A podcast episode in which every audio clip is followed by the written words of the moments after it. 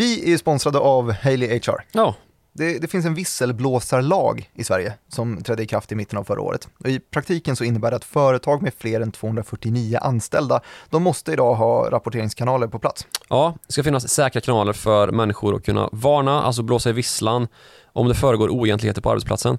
Det är ett lagkrav. Ja, och om mindre än ett halvår eh, så skärps det här kravet. Då ska alltså alla bolag med över 50 anställda ha säkra kanaler på plats för visselblåsare. Och den här deadlinen, den, den löser man med Haley HR. Mm. Haley HR har ett kostnadsfritt paket som bland annat hjälper företag att uppfylla lagkravet för skriftlig rapportering. Ja, så tipsa ansvarig person på din firma eller gå in själv på haleyhr.com och hälsa från oss. Så de fattar att eh, Follow the Money har hjälpt sprida ordet. För det är väl så man är en god partner i ett sponssamarbete, eller? Ja, så är det. Haleyhr.com finns en länk i avsnittsbeskrivningen också. Tack Haley! Tack!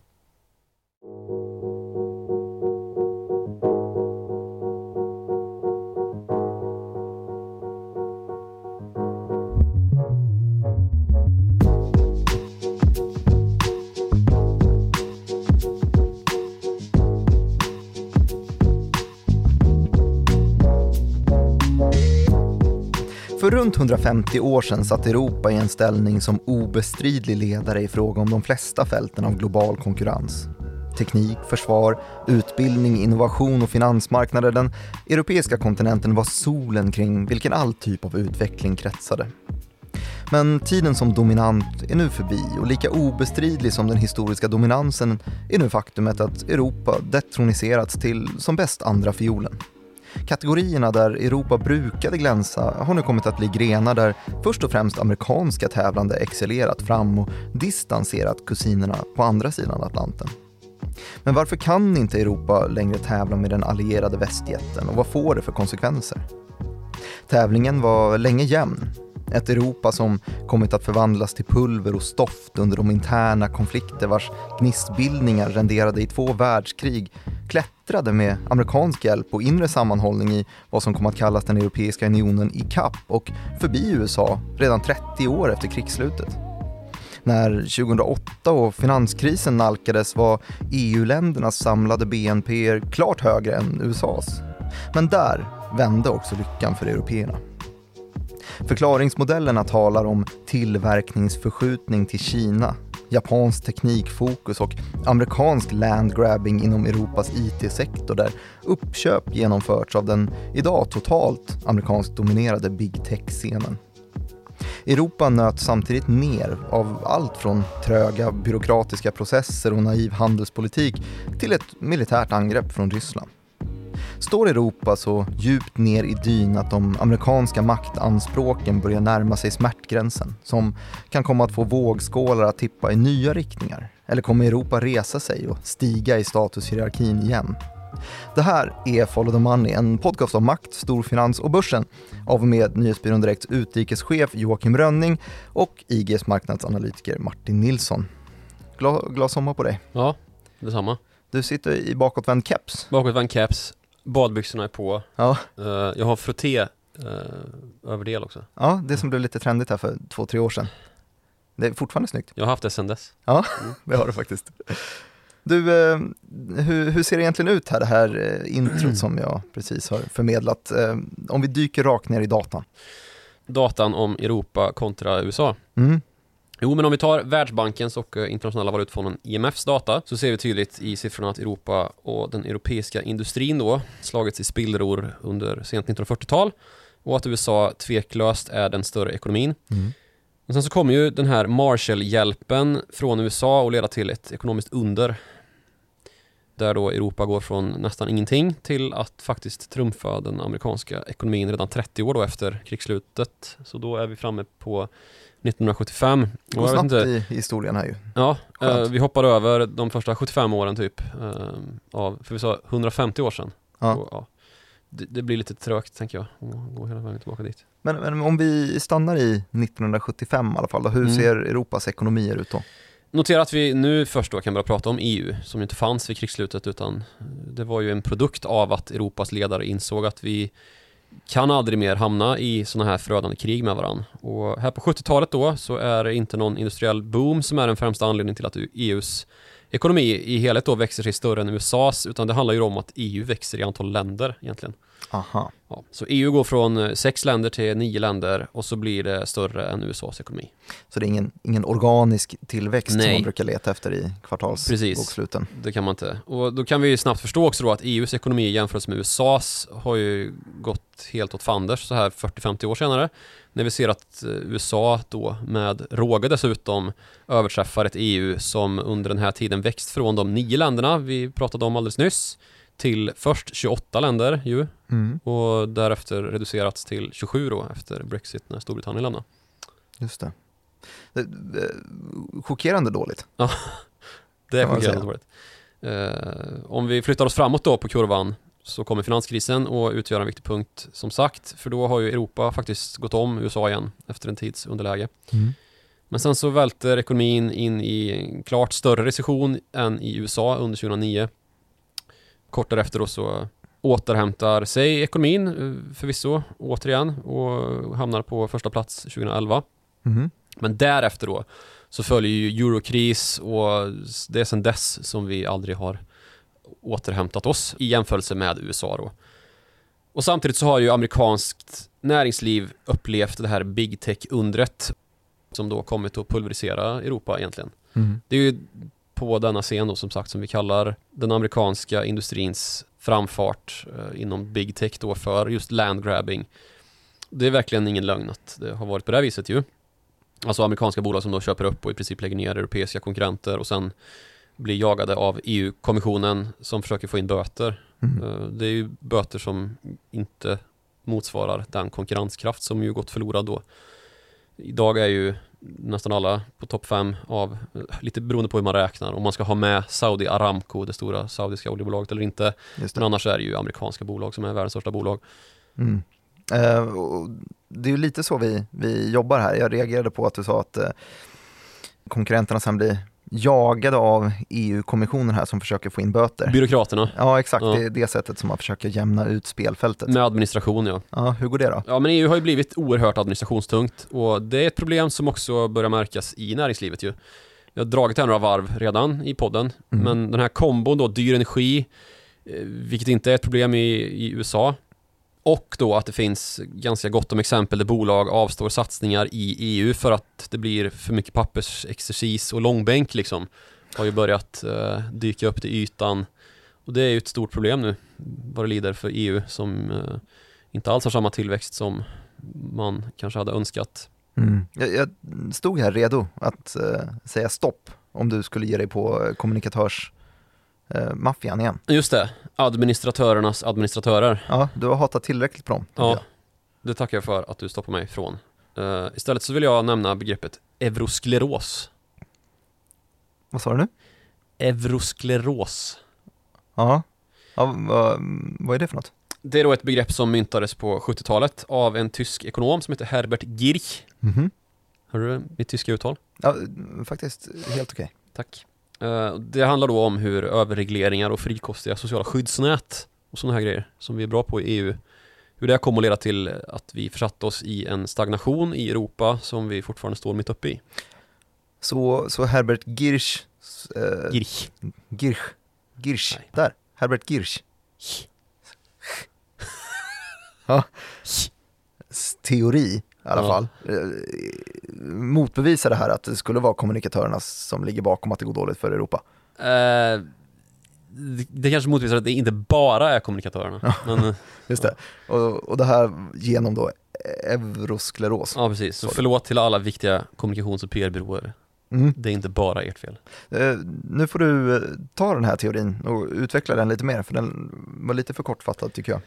Ja, eh, jo men det Herbert Girch ville komma åt då är alltså att benämna det europeiska ekonomiska fenomen som möjliggjort det här då, alltså stagnationen från 70-talet och framåt, eh, när vi såg hög arbetslöshet och trögt nyskapande av arbetstillfällen då, samtidigt som vi såg hög tillväxt. Mm. Konstig kombination. Just det. Alltså hög arbetslöshet, trögt nyskapande av arbetstillfällen, men samtidigt hög tillväxt. Jättekonstigt. Om vi tittar på USA under samma period så rådde det en extremt hög jobbtillväxt och hög tillväxt. Men det här, det här är ju inte ett begrepp som man hör dagligdags längre. Euroskleros. Nej. Nej, och det finns väl många olika uppfattningar om det har upphört och i så fall när det upphörde och var, typ. Mhm. Frankrike kan ju ta som ett exempel på ett land där det kanske fortfarande är väldigt mycket så här. Alltså hög arbetslöshet och det har gått bakåt i jämförelse med USA från att Frankrike hade lägre arbetslöshet kring millennieskiftet till att det där är ju nu klasser sämre liksom. Mhm. Samtidigt som andra delar av ett växande, i och för sig, EU kommit vidare på ganska bred front. Vi har liksom en högre arbetslöshet än vad USA har, men det är svårt att jämföra också. Eftersom att man räknar olika. Men vi kan inte säga rakt av att eh, vi har euroskleros i hela Europa längre. Eller i hela EU snarare, Mm. eh, längre. Många av problemen som det har hänvisats till då hade ju till exempel med en långsam integrering av de nya EU-medlemsländerna att göra. Eh, att, så att utvidgningen gick långsamt under en period och ja, nu har vi ju som sagt 27 länder från 28 så Men det här Det har vi lärt oss ju. Eh, Förvärvsintensiva resor, det, det tar lite tid innan man kan krama ur effektiviteten från länderna om vi ser EU som ett företag här. ja, om vi ser EU som ett embracer. Ja, det var exakt det jag tänkte på. Men eh, om vi tar det tillbaka till, till data istället, då, hur mycket större är USAs ekonomi idag jämfört med EU? Den senaste siffran från de här källorna som vi hänvisade till, eh, de är från 2021. Och vid det här laget så är då USA 1,32 gånger större på nominell basis.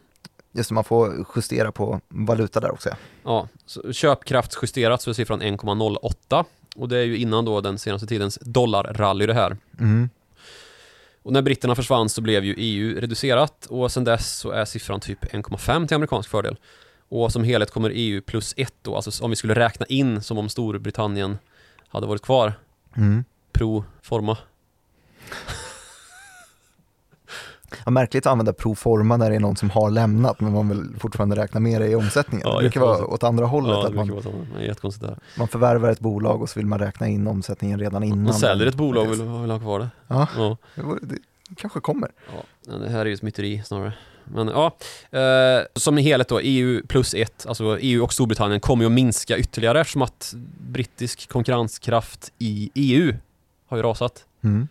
Eh, det är ju deras största exportmarknad, EU naturligtvis. Och efter utträdet så har ju den eh, decimerats. Så De har skjutit sig i foten lite grann. Brexit var verkligen skott i egen fot ja. Just det. Och, och i övrigt om vi inte bara kollar på ekonomin som ju är nära förknippad med USAs eh, bigga techbolag, stora techbolag.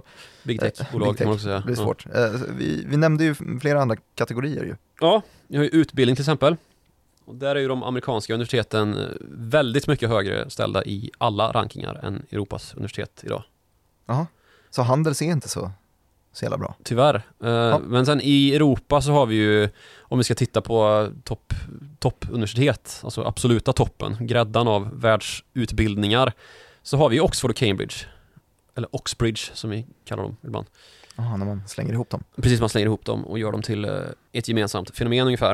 Eh, För det är de ju lite grann. Mm. Europas absolut bästa utbildningsinstitutioner. Och sen så har vi inget. Och sen så har vi ingenting. Och sen kanske det kommer något franskt universitet. Sorbonne eller någonting. Mm. Jag vet inte riktigt.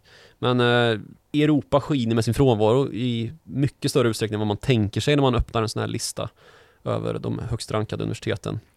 Vem är det som gör rankinglistorna i frågan då? Ja, men det finns ju flera. Det brukar i och för sig vara Financial Ja, Times Det kanske. finns en massa olika källor för sånt här och jag har sammanvägt och hittar eh, det här sambandet. Så du får nöja dig med min källkritik här. Då tror jag på det.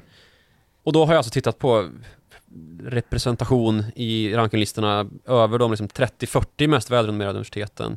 Vi finns knappt där utöver Oxford och Cambridge och något franskt kanske. Mm. Däremot så är det istället idel USA. De är överallt igen. Ja, och som sagt Storbritannien är ju inte en del av EU längre. Mm. Eh, lite Schweiz finns, inte heller med i EU. Mm. Eh, och sen så Kina klättrar ju på listorna. Såklart. Mm. Du, nu sa vi att vi inte bara skulle titta på ekonomin, men vi, vi hamnar ju Mm. ändå där hela tiden. Så jag Jo. fortsätter ett, ett litet tankespår här. Okay. En sak som vi pratar mycket om idag är ju teknikutveckling Mm. och spetsen av den är ju såklart AI som det krävs halvledare, chip för att utveckla vidare. Mm. Där är vi kraftigt beroende av starka forskningsinstitutioner, alltså bra universitet och, och dit till kopplade bolag. Det mest framstående europeiska spjutspetsbolaget i den här kategorin är ju från just Cambridge. Det är det. Eh, ARM. Ja. Som sen förvisso köpts upp av Softbank och det är ju japanskt och ska snart noteras i New York. Ja. Känns ju europeiskt. Ja. Vilket ju också säger allt om USAs makt över EU, Europa, när det kommer till kapitalmarknader idag. Ingen vill ju noteras i Europa. Om man kan noteras i USA. Och så får man ju en mycket högre värdering. Och det är ju så det är idag. Mycket djupare kapitalmarknader i USA än vad vi har i Europa. London har ju decimerat ytterligare av Brexit Mm. som sagt. Men, men hur ser det ut idag då, om vi stannar på halvledarfronten? Okej, inga finansmarknader alltså? Nej.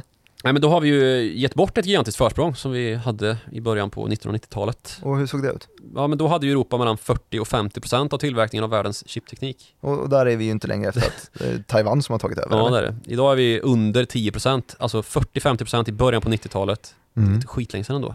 Nej. Det är lika gammal som du. Ja. ja. Och nu har vi under 10 procent. Vi har ju, ja, några tyska bolag och några holländsk, italiensk, franska bolag. Ja. Men och de gör ju inte liksom spjutspetsteknik heller utan sån mikrovågsugnschip typ. Mm.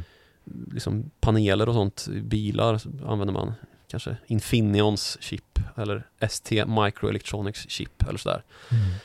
Om vi då tittar på just uh, chipsidan och inte chiputveckling. Det är ju två olika saker lite grann. Mm. Ehm, så slutprodukten, där har vi ju tappat gigantiskt försprång till. Men alltså jag, jag ställer mig emot lite det här tankesättet du säger att vi, vi har tappat det, för jag skulle vilja hävda att vi medvetet har eh, gett bort det. Ja, så är det faktiskt. Säga. Vi gav bort det här försprånget genom att dras med i globalisering och förlita oss på att billig tillverkning och inte tekniska framsteg skulle vara vår lycka ungefär. Och det var det såklart inte eftersom att vi utrangerar inte bara tillverkning utan också kom att flytta know-how och Mm. ehm, la den i östra Asien. Och i USA då så hade man ju samma problem lite grann att man såg att eh, produktionen i USA blev precis som i Europa alldeles för dyr att hålla kvar och därför gjorde man samma sak, flyttade till östra Asien.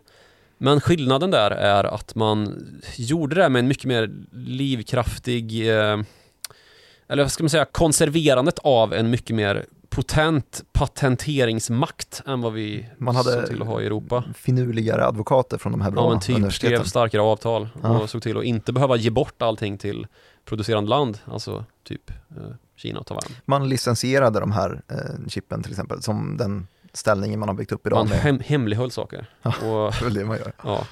Men, men vi har ju ASML kvar i alla fall. Just det, jag sa att det är lite skillnad mellan liksom vart man är i, i utvecklingskedjan här att eh, ASML, de tillverkar världsunik utrustning för att tillverka chip, alltså för att överhuvudtaget kunna göra chip idag, särskilt på högavancerad nivå, så måste du ha ett kontrakt med ASML så att du får köpa deras maskiner. Mm, holländskt, eller hur? Ja, precis. Och alla behöver ju de här maskinerna idag som tillverkar avancerade chip och är i framkant av den här industrin.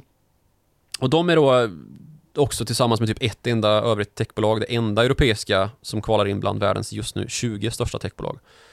Och så var det inte på 90-talet. Definitivt inte. Mm. Eh, Så det är en jävligt viktig klenod för hela Europa det här, nederländska bolaget. Och det är ett knivigt läge just nu då när Kina bakbinds från att importera de allra mest avancerade teknikerna, alltså ASMLs maskiner. För att då å ena sidan så minskar det risken för att tekniken stjäls och tas över så att vi kanske slipper göra samma misstag som man gjorde på 90-talet. Mm. Men å andra sidan så minskar det också intäkterna och det gör det ganska rejält. Och i förlängningen får ASML mindre kapital då till forskning och utveckling. Så det är svåra överväganden där. Men nu, nu görs det ju ändå stora satsningar på halvledarfabriker i både USA och Europa. Alltså Ja, det gör det. Intel har ju precis fått 10 miljarder euro eh, Mm. av tyska staten var det va? Och i, i USA är det ju rally om att bygga så mycket på mm, så kort tid som möjligt för såväl Intel Ja. och som närmsta konkurrenten eh, TSMC i Taiwan. Ja, från Taiwan i alla fall. Ja, just det. Ja. Eh, är vi inte i kapp Kina och östra Asien där i alla fall då? Det är vi faktiskt inte på långt när. Om vi först pratar EU då kontra USA så satsar USA mycket hårdare. Mhm. I USA ser vi just nu 14 fabriksprojekt på gång. I Europa så är det under 10 i plan. Mm. Och då har vi inte tagit upp Taiwan som ju är världsledande på det här området redan. Och Kina å sin sida, där finns det 43 fabriksprojekt på G. Så under 10 i Europa, 14 i USA, Kina, Taiwan 43 liksom. Mm. vi är faktiskt inte ens på väg ikapp då därmed. Men vi har ju lite andra typer av stora bolag ändå. Är Mm. stagnerande biltillverkare som är värda en tiondel av Tesla ungefär? Kan vi Ja, lyfta? nej, var i alla fall, jag vet inte hur det ser ut nu riktigt. Men, Men, Tesla tillverkar i alla fall färre bilar. Så Ja. att, eh, på gatan så ser man ju ändå mycket tyskt. Ja, och så har vi ju då ASML och det andra techbolaget som du inte nämnde förut, det är ju det trötta tyska också, mjukvarubolaget SAP. SAP, ja, Ja. just det. Tyskar, de skojar man inte med. De har det här. Eller så gör man det. Ja. Eh, och just tyskar, det tycker jag vi ska prata mer om. Alltså? Ja, Tyskland ringer in det stora problemet mellan USA och Europa just nu. Aha. Så om vi ska svänga över lite grann på politik. För det är också ett område man behöver besöka. Om man ska berätta om makt, storfinans och börsen. Exakt. För Tyskland då, deras politik, den är nyckeln till att förstå problematiken mellan USA och Europa. För det här är ju två allierade regioner ju. Mm. Eh, Eller länder, eller vad man ska kalla block. Får man ju kalla EU då, eftersom det är en grupp av länder. Mm. Men man ser ju ändå eh, NATO-kopplingen som högst betydande för hur man hanterar sin omvärld och det blir därför direkt problematiskt när man träter om en fråga då. Och Ryssland var ju länge en sån fråga. Där Tyskland då var den stora möjliggöraren för Ryssland att sälja energi in i Europa på ett sånt sätt att Europa blev i princip ja, men beroende. Mm. Man blev Europas gaskran helt enkelt. Mm. Och Tyskland var den största torsken. Om man ska prata knarklingo. Eller fisk. Så efter att ha farit i den här naiva irrfärden i fråga om att föredra liksom silkeshandsk beklädd hantering av Ryssland i en herrans massa år och liksom sett mellan dessa silkeshandsbeklädda händers fingrar med Rysslands människorättsövergrepp och sen också invasionen av Krim 2014 och östra Ukraina därefter så har ju Tyskland nu till slut då bytt fot i den frågan. Det har de gjort. Ja, står lite grann med ena foten kvar i skamvrån. Dumstruten försöker man ta av sig. Men det börjar se lite knivigt ut att göra det. För det här skedde ju då i liksom det här tillbakadragandet från hållningen mot Ryssland. Det skedde ju det här berömda Seitenwende-talet i februari 2022 då efter att invasionen hade gjorts, bara några dagar efteråt. Mm. Då beslöt alltså Tyskland att man ska inte längre vara militärt passivt och underdånigt. Man ska överge Ryssland efter talrika försök med det här som kallas för durch Handel, alltså förändring genom handel. Just det, man försökte komma överens genom att båda hi- hitta någon Vid förhandlingsbordet liksom. Här ska win-win vi situation. prata med varandra och sälja Utbyta demokrati varor. till Ryssland ungefär. Just det. Det har man nu bestämt sig för att det funkar ju inte. Det, eller, det har man ju fått se. Och så har man också agerat på det då i det här Seitenwende-talet som var liksom nyckeln i den frågan. Mm. Nu har det väl varit lite si och så då, så här drygt år senare, om hur det har blivit med det här, med den militära upprustningen och övergivandet av Ryssland. Men det är lite en annan fråga också. För det vi nu ska diskutera då i fråga om Europas och USAs relation, där är istället intressant hur Tyskland ser på utbytet med ett allt mer geopolitiskt stridbart Kina. Allt mer aggressivt eh, utbyts ju politiska och handelsmässiga skärmytslingar från Peking till Washington och vice versa ju. Mm, det gör det. Och det här är ju därmed då en fråga som har klättrat mycket snabbt på den tyska agendan efter att eh, De har lite för mycket skin in the game i, i Kina, eller? Ja precis, det är exakt som med Ryssland fast tvärtom kan man säga. Misstaget är liksom detsamma. Just det. För det tyskt då som att det driver en naiv opinion i en antidemokratisk riktning precis som med den ryska gasen som man gjorde sig så totalberoende av att det blev omöjligt att utöva påtryckning som den demokrati man är mot den diktatur som Ryssland är. Eller ja, visade sig vara. Mhm. Man gav bort så mycket av sin demokratiska själ genom att då tillförses med billig gas. Det är lite samma problem nu som ser ut att börja gro i Kina då, fast i en annan ledd kan man säga.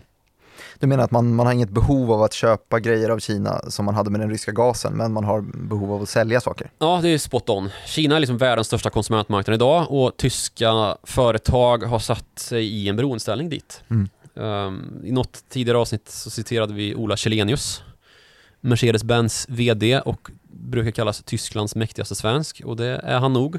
Mm. Och han kallade ju då blotta idén att man skulle skära av Kina då eh, i händelse av framtida människorättsbrott och krigiska handlingar och försök till övertagande av Taiwan och Mm. sådär kunna ses som någonting sånt. Det kallade Ola Källenius då för otänkbart, omöjligt och illusoriskt. För inte bara Mercedes, utan för hela den tyska industrin. Och den utgör ju motorn i hela Europas ekonomi. Så eh, Europa överlever att man bojkottar Marabou och Mondelez eh, i den graden. Volvo Cars. Ja, Volvo Cars också nu ja. Så att företagen ska avstå intäkterna som kommer via Ryssland. Men det är så små portioner så att man skulle kunna ha råd att göra det. Men i kinesiska fallet så är portionen eh, hela företaget i princip. Ja, eller inte hela företaget kanske, men en alldeles för stor del i alla fall så att liksom Tyskland skulle gå på knäna igen. Mm. Och det vill man inte vara med om. Så hur ser det ut då? Vet vi eh, hur mycket Tysklands opinion är påverkad i fråga om att sätta sig till motvärn mot Kinas diktaturfasoner? Uh, ja, det ser faktiskt ganska illa ut om man gillar demokrati ja. i alla fall. Opinionen är märkbart skeptisk till att stötta demokratisidan i en sån konflikt, alltså om Taiwan då, där Kina skulle ställas mot USA. Mm. Hur ska man agera? Ska man uh, sätta sin industriella och ekonomiska tyngd bakom demokratisidan USA eller ska man bara fortsätta sälja sina produkter till Kina och vara liksom mer neutral. Ja, det tycker faktiskt opinionen i Tyskland. Så linjen är att förhålla sig neutral då. Sen så när det kommer till klarhet rörande om Tyskland ska eller inte ska göra något åt sitt beroende av den kinesiska marknaden redan innan ett sånt här scenario utspelar sig då eventuellt om Taiwan. Att man liksom ska börja streta emot politiskt och visa vart skåpet ska stå. Det är ju liksom någonting som skulle leda till de här förödande, ofta konsumentbojkotterna som alltid länder som börjar tagga till lite mot Kina drabbas av, eller deras bolag snarare. Ja, det går ju väldigt mycket fortare och mer effektivt än hur det har sett ut på europeiskt håll. Ja, man absolut. är mycket mer individualistisk här eh, hemma hos oss kanske. Där mm. kan man styra en hel befolkning till att nu slutar vi köpa den här varan. Mm, slutar vi köpa kläder från H&M eller bilar från Hyundai eller någonting som mm. har snackat skit om Kina och eh, kommunistpartiet. Eller... Då ser man det ganska snabbt snabbt sen i nästa kvartalsrapport att det är dött. Ja, verkligen. Men det finns en twist här i Tyskland alltså. Vissa tycker ju att det, vi kan inte gå bort oss som vi gjorde mot Ryssland liksom. Det är, de ser samma sak som man ser i utlandet. Alltså vi som sitter och pratar här har ju pratat om det här tidigare. Att nu är Tyskland på väg att gå bort sig igen. Man är på väg att hamna i samma läge som man gjorde mot Ryssland. Fast mm. med Kina. Och det har inte gått så mycket mer än ett år sedan man fick liksom ställa sig i skamvrån och långsamt börja försöka ta klivet ut och plocka av sig dumstruten, vilket man ännu inte riktigt har mäktat med. Mm. Men hur man då ska byta fot i den här liksom, demokratifrågan, bli någon sorts ledare i Europa och just tagga till lite. Eller om man ens överhuvudtaget ska göra det. Det beror helt på vilken minister man pratar med i Tyskland. Mm. För ungefär halva regeringen håller på linjen att Tyskland inte kan vara så dumma och naiva att man går i samma fälla med Kina som man gjorde med Ryssland. Samtidigt som då andra halvan är precis det omvända ungefär. Vadå, vi ska bara Wandeldurch handla liksom. Men handlar det så mycket om vandeldurch-handel snarare än att kanske bara se sin, sitt BNP växa? Ja, precis. Eh, det är inte att liksom eh, påtrycka någon form av demokrati som är huvudspåret här, utan här Nej, sitter man här, i baksätet. Liksom. Precis, det här handlar ju mest av allt om då att man inte vill uppröra sin opinion. Mm. lite, skulle kunna kalla det lite feghet, lite liksom opinionsmässig politisk feghet. Men i grund och botten så motiverar man det ju med att vi kan ju inte lägga våra företag på liksom offeraltaret Nej. för någonting som har med global politik att göra. Pratar vi om de stora bolagen då eller? Faktiskt inte, i alla fall inte bara. Och det här bör man nog veta om, om man ska kunna förstå Tyskland idag. För det är ju inte så att tyskar är genomgående dumma i huvudet och totalnaiva och inte ser det här problemet. Utan det är ju då att man har ett jättestort mellanskikt i näringslivet av bolag som inte är varken särskilt stora eller små. Det utgör en väldigt stor del av den tyska ekonomin. Mm. Och sysselsätter väldigt mycket folk och har därmed en väldigt stor politisk slagkraft. Där väldigt många kan drabbas där väldigt många är väldigt beroende av Kina som är problemet. Mm. Och det här är då en kategori av bolag dit många, till och med ganska så jättestora bolag gärna placerar sig. För att det är liksom ett, en bolagskategori som är omtyckt. Man är stolt över den här delen av det tyska industriskrået. Att man vill höra till den här kategorin.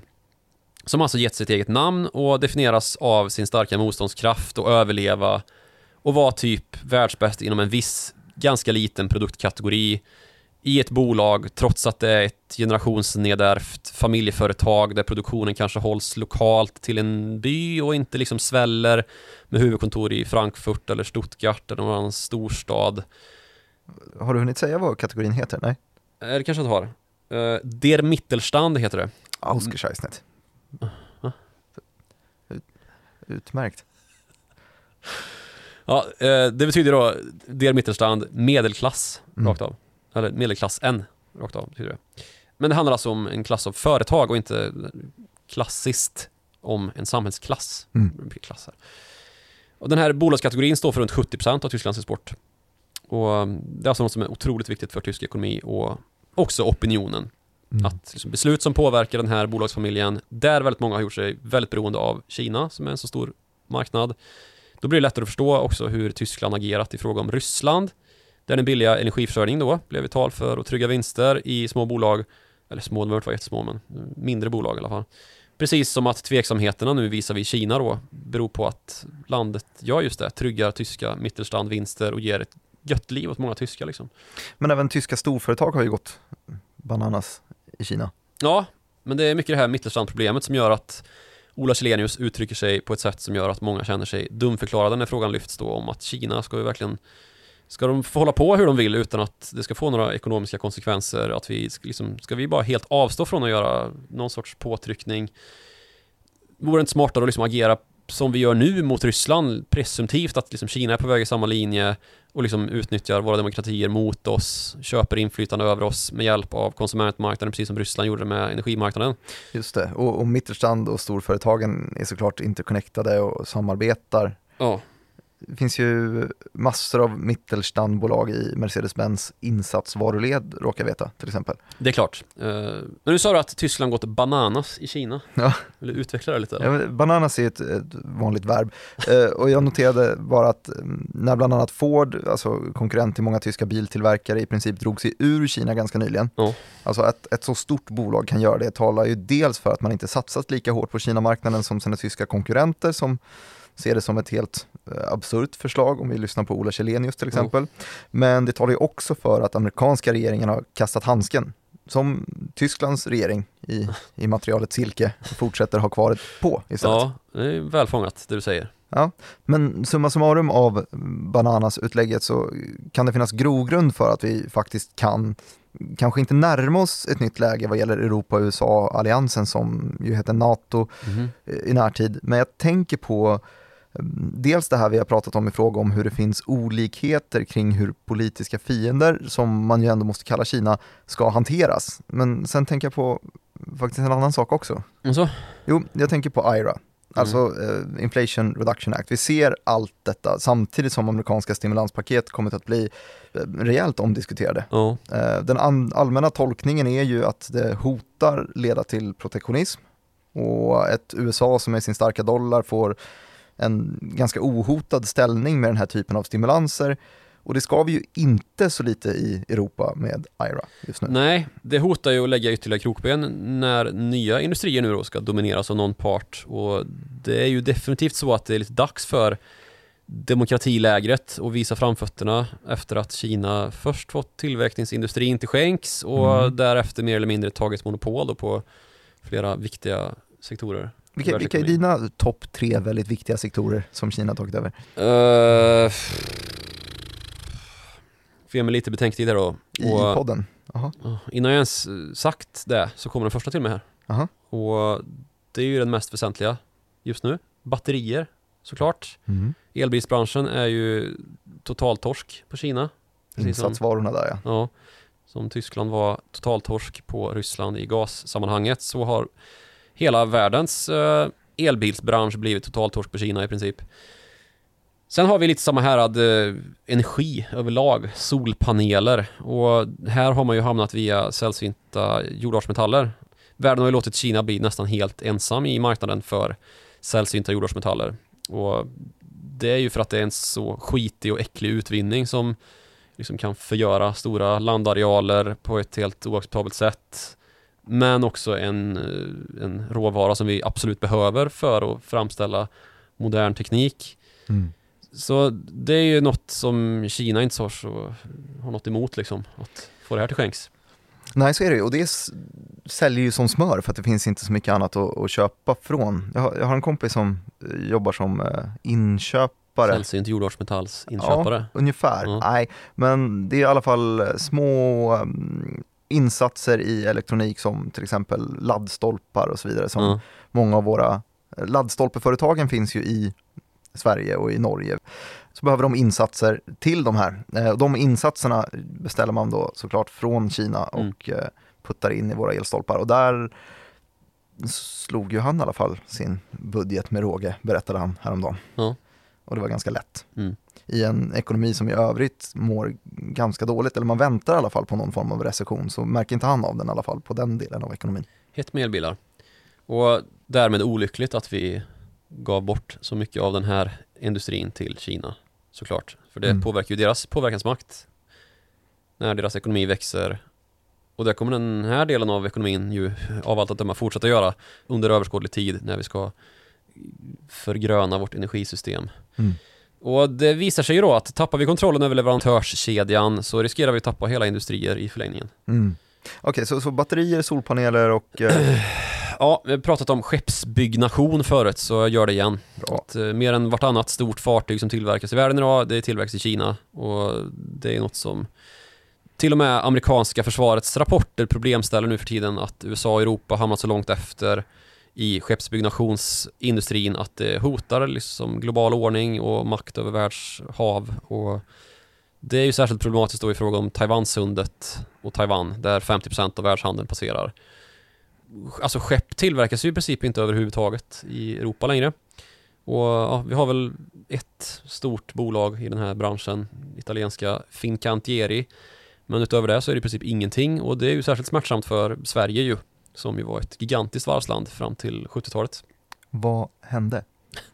Varvskrisen hände. Mm. Den har vi lite, liten, Var det euroskleros där eller? ja, Ja. eh, euroskleros. Det var ju euro- euroskleros för att det var ju sve, sveros kanske. Just det, det var ganska vi var, lokalt. inte, vi var inte med i EU på den här tiden.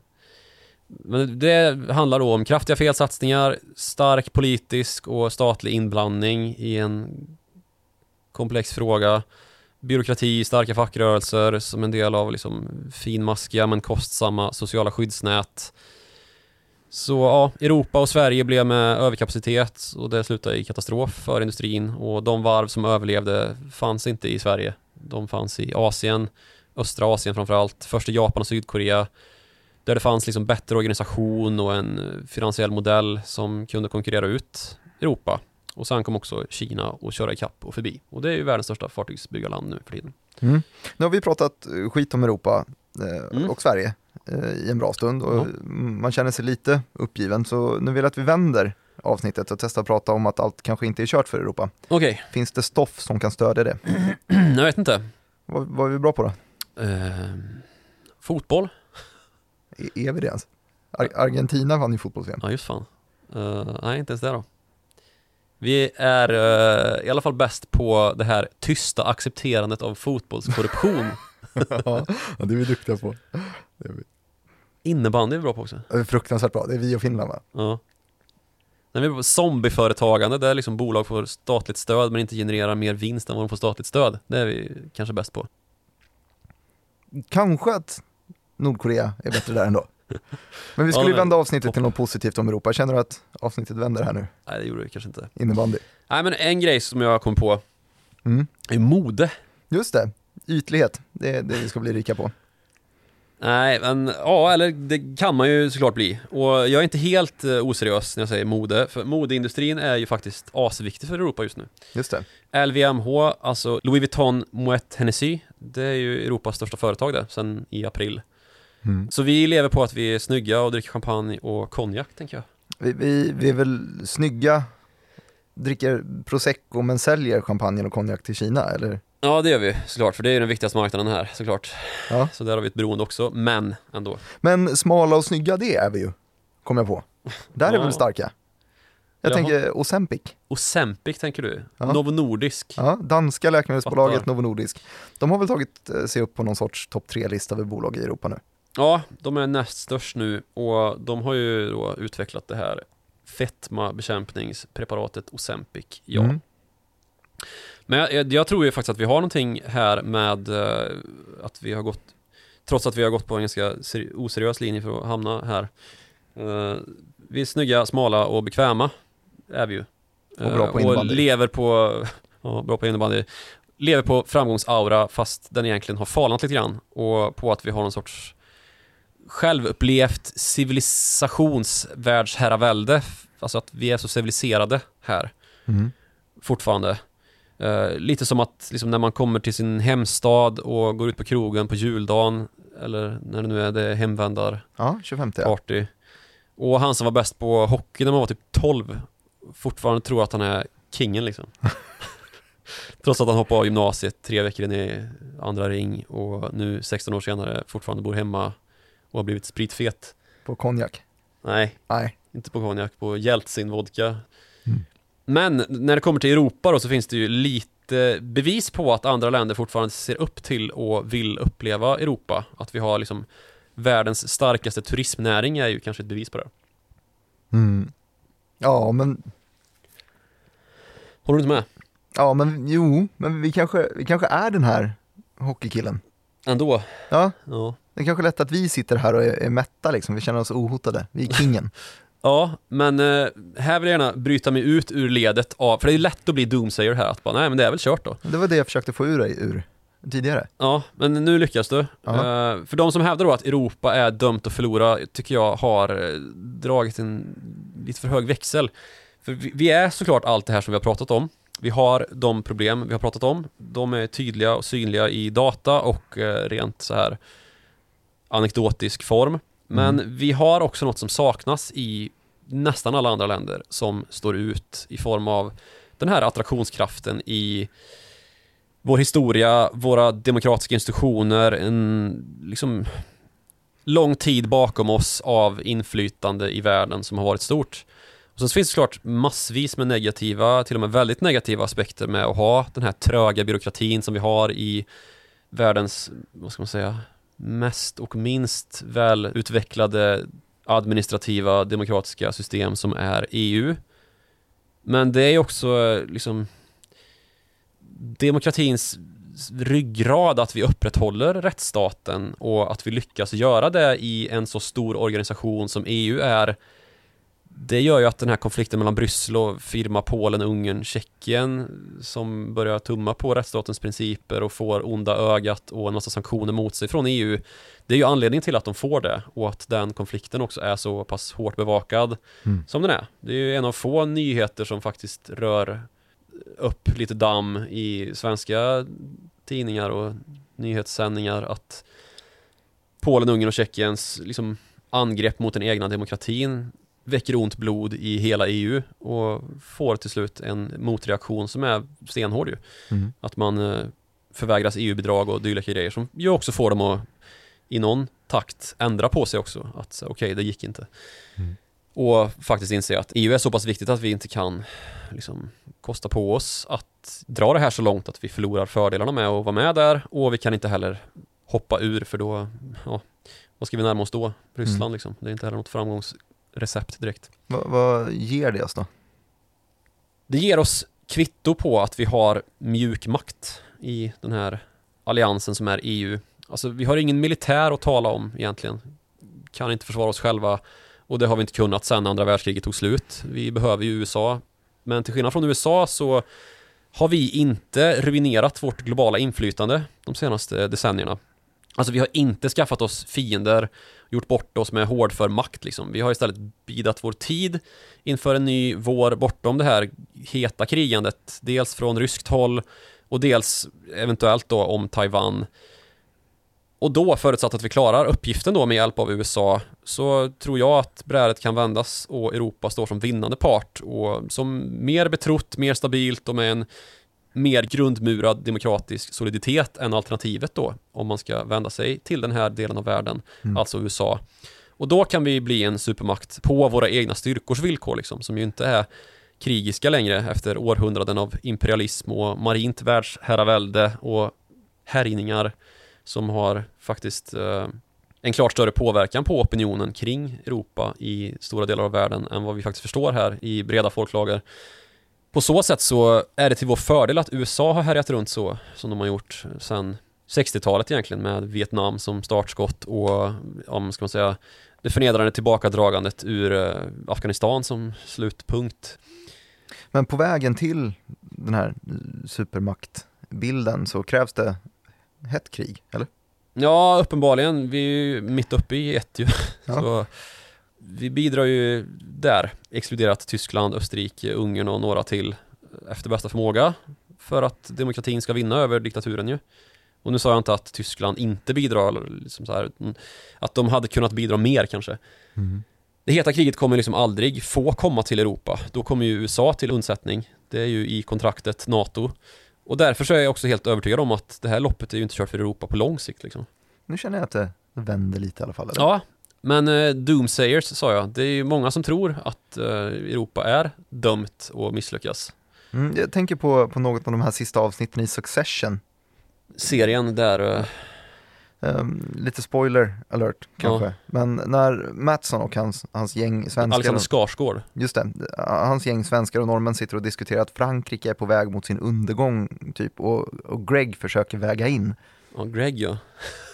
Stackarn. Ja, dumma amerikan tänker de. Ja, för. Greg är amerikan ja, och Alexander Skarsgård är europé. Stämmer. De tänker att han är en dum amerikan, ociviliserad och kan ingenting om någonting som inte är amerikanskt så sitter de och gör narr av honom. Typiskt och oerhört typiskt kanske europeiskt. Ja, men eh, bra scen ju. Ja. Fångar något om vad vi pratar om och som jag minns det så satt de och um, pratade om fransk demografi och att Frankrike är på väg åt helvete med sina fackförbund typ. Man har ingen tillväxt och Ja, något sånt, men ja. någonting sånt. Ja. Och det är ju egentligen väldigt välfångat kring vad Europa och Europas styrkor handlar om. Att ett gäng europeer gör ner en amerikan som försöker vara smart, tänker jag. För det de gör där är ju att utöva just mjuk makt. Man visar att man är intellektuellt och kulturellt överlägsen den ytliga och korkade amerikanen, liksom. Mm. Och det som ligger bakom att vi kan ha ett sånt självförtroende är ju vad vi vinner på eh, i det här då. Att vi vet allt det här, eh, vår historia, vår kultur, vår demokrati. Att den här, den ser folk i världen upp till. För att vi var bäst på hockey när vi gick i sexan. Ja, precis. Så du menar att USAs eh, mjuka makt, alltså det vi brukar prata om i form av eh, typ Hollywoods spridande av värderingar över världen, den är svagare än Europas? Jag vet inte, men jo, på vissa sätt i alla fall. För USA har ju jättestark mjuk påverkansmakt och kanske att man har haft ännu starkare mjuk påverkansmakt. Att man vill vara som i USA liksom. Man gillar Hollywood, man kan engelska på grund av att man har sett så mycket Hollywood och lyssnat på så mycket amerikansk musik. Yes. Men det har ju inte varit i första rummet de senaste drygt 20 åren liksom. Har det inte. Nej, mellan 11 september 2001 och slutet av 10-talet så eskalerade ju USA sin hard power. Alltså de blev ärligt talat helt tokiga i att utöva hard power. Och då i Mellanöstern framförallt. Alltså hård påverkansmakt som är att gå in i länder och berätta för dem att de ska bli amerikanskt ledbandsdemokratiskt lydrike ungefär. Mm. Efter vad USA önskar. Eller att man ska förvandlas till parkeringsplats, drönarbombvägen. Så det, det har kostat för USA att eh, utöva den här hårda makten. tveklöst så har det ju det att det, det kan man ju se idag att det var ett felbeslut att man gjorde så. Och för USA la ungefär lika mycket kapital på att fara fram som fyllon och bekämpa demagoger och diktatorer med vapen i Mellanöstern under 90 till 10-talet som Kina la på att utveckla sitt industriella system. Det är liksom, om man ska prata finansspråk och return on investment så är ju return on investment oräkneligt negativ i den ena investeringen där och oräkneligt positiv i det andra och USA är förloraren i, i sammanhanget. Mm. Men det är ju inte bara det som har hänt här liksom, utan den mjuka makten har ju också försvagats av att man haft dokusåpa, snuskgubb, kändisen Donald Trump som president. Eh, Kanske till och med lite grann att man har Joe Biden nu som är lätt att göra roliga memes om. Att han är en sluddrig gammal gubbe som ramlar i trappor liksom. Man verkar galna, opolitliga, ytliga liksom. Mm, men Europa har väl också haft en del plumpar här under samma tidsepok? Det har vi ju såklart haft. En egen snusgubbe, eller flera. Berlusconi tänker jag på direkt. Italiensk... Han gick ju bort alldeles ja, nyligen den också. nyligen bortgångne italienske ex-premiärministern. Mm. Det var ju långt innan Trump som han besteg tronen liksom. Och det finns ju massvis av populism idag. Vi har haft eurokris och vi har haft Brexit. Men det är ändå stabilare än USA, som ju är, vad ska man säga, pålitligt opålitligt. Mm. Vad det gäller liksom, vad händer härnäst, har det visat sig. Och det är ju ärligt talat bara USA som är medtävlande i det här racet då om att vara mest dominanta demokratiska ekonomiska block i världen. Jag vet inte vad, vad liksom finns, vad skulle vara utmanaren? Indien liksom? Nej. Det beror 1,4 miljarder människor i Indien vars demokrati dessutom tycks vara på decline. Men ekonomin är ju fortfarande klart mindre än Tysklands liksom, som har 83 miljoner invånare. Vad det. Men Någonstans eh, idag är det ju inte bara demokratier med i matchen om, om soft power, eller? Nej, och det är därför jag brukar tjata så mycket om hur viktigt det är det här med cyber. Mm. Det är påtagligt vilket slagfält det har blivit i det här eventuellt snart stundande kalla kriget mellan demokratier och diktaturer. Alltså det är Kina-positiva TikTok och hjärntvättandet alltså. Det, ja. Slår vi vakt om att bevara oss från den typen av eh, långsam maktutövning som faktiskt gör skillnad vad det verkar så är nog ganska mycket vunnet. Mm. Att liksom våra demokratiska och mjuka påverkansmaktmedel riskerar att undermineras av propaganda. Men, men det här hotet, Här kom, krävs det ju utbild utbildning eller något, ja, eh, tänker jag. Men det här hotet, kommer det eh, någonsin komma att bli mer kännbart än att det landar i ett nytt kallt krig bara? Alltså ingen tror väl på allvar att Kina kommer angripa Europa? Nej. Peking har ju alltid bara varit intresserad av att upprätta ett anseende man anser gick förlorat under opiumkriget typ Mm. i, sin region och globalekonomiskt med det. Eh, och kallt krig därmed. Och, och sen är det ju upp till USA och andra berörda hur man hanterar Taiwan. Eh, men det är ju ett krig som kommer utspela sig där. Det är ju den regionen som är viktig. Ja, det kommer smälla och brinna i Taiwan liksom. Och då blir det frågan om Europa och européerna kan bli tillräckligt berörda i ett hett krig liksom och sluta sig samman och börja känna att nu är det dags att utvecklas genom att Ryssland kommer bortanför östra Ukraina och börjar hota på allvar då typ, tänker du? Att man då så här, nu jävlar, nu ska vi Ja men exakt. exakt. inte bara kriga utan också Ja, det kommer få effekter då som att vi ser en långsiktig utveckling i Europa som faktiskt är gynnsam för oss på lång sikt. Att vi får tillbaka någon sorts tekniskt kanske att skryta med. Mm. Jag tänker ju att det är feltänkt ja. Att vi... Vad har du jag tror- lurat in mig här? Nej men jag tror inte att vi behöver ha ett hett krig i ekvationen när vi pratar om Europas framtid eh, Nej, det får ju sannerligen hoppas alltså. Ja.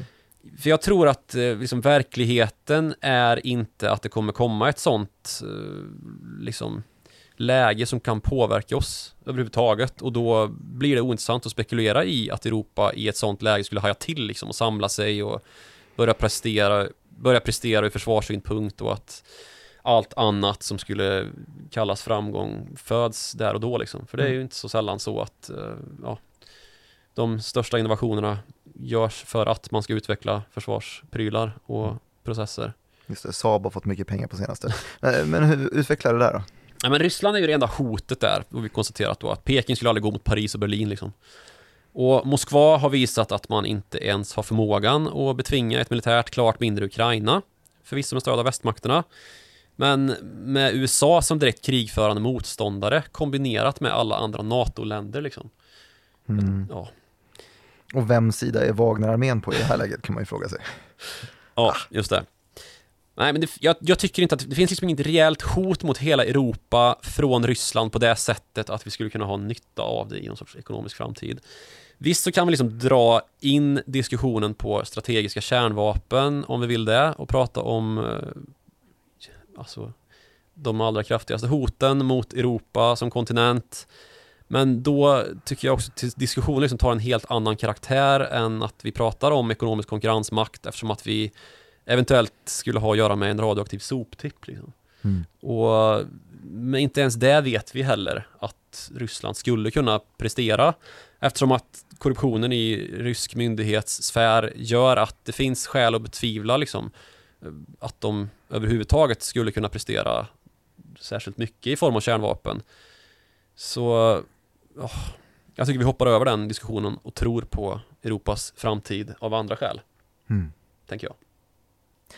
Som en icke direkt krigförande makt med, med massor av mjuk makt som andra länder ser upp till har Europa lite av ett trumfkort på hand jämfört med det andra demokratiska blocket i form av USA, kanske med Kanada som bihang, tänker du? Ja, det var väl ett uh, knöt ihop säcken Ja. föredömligt, tycker jag. Tack. Varsågod. Ska vi knyta ihop säcken helt och hållet för den här eh, gången? Ja, det är faktiskt dags för det. Ja. Och eh, vill man på något sätt fortsätta diskussionen så vet vi ju att man gör det på followthemoney.direkt.se eller på våra respektive Twitter-konton.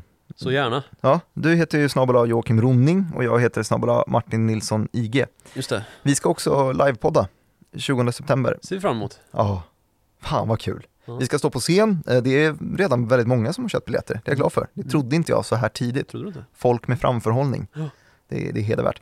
Eh, Vi gör det här då alltså på Scalateatern tillsammans med Kapitalet, eh, podcasten som drivs av Monopol Media med eh, Gunnar Harrius och Jakob Bursell ju. Just det, Trevliga är de. mycket. Väldigt trevliga. Så för en biljett då alltså så får man se både oss och eh, dem. Så man går in på Scalateaterns hemsida och så eh, bläddrar man ner i kalendern till den 20 september och så köper man biljetter där. Vet du vad vi kan göra också? Vadå för något? Lägga en länk i avsnittsbeskrivningen. Det är, det är klart vi gör det. Så gör vi. Vi eh, hörs när vi hörs. Mm. Det gör vi. Tack för att ni Hej. lyssnar.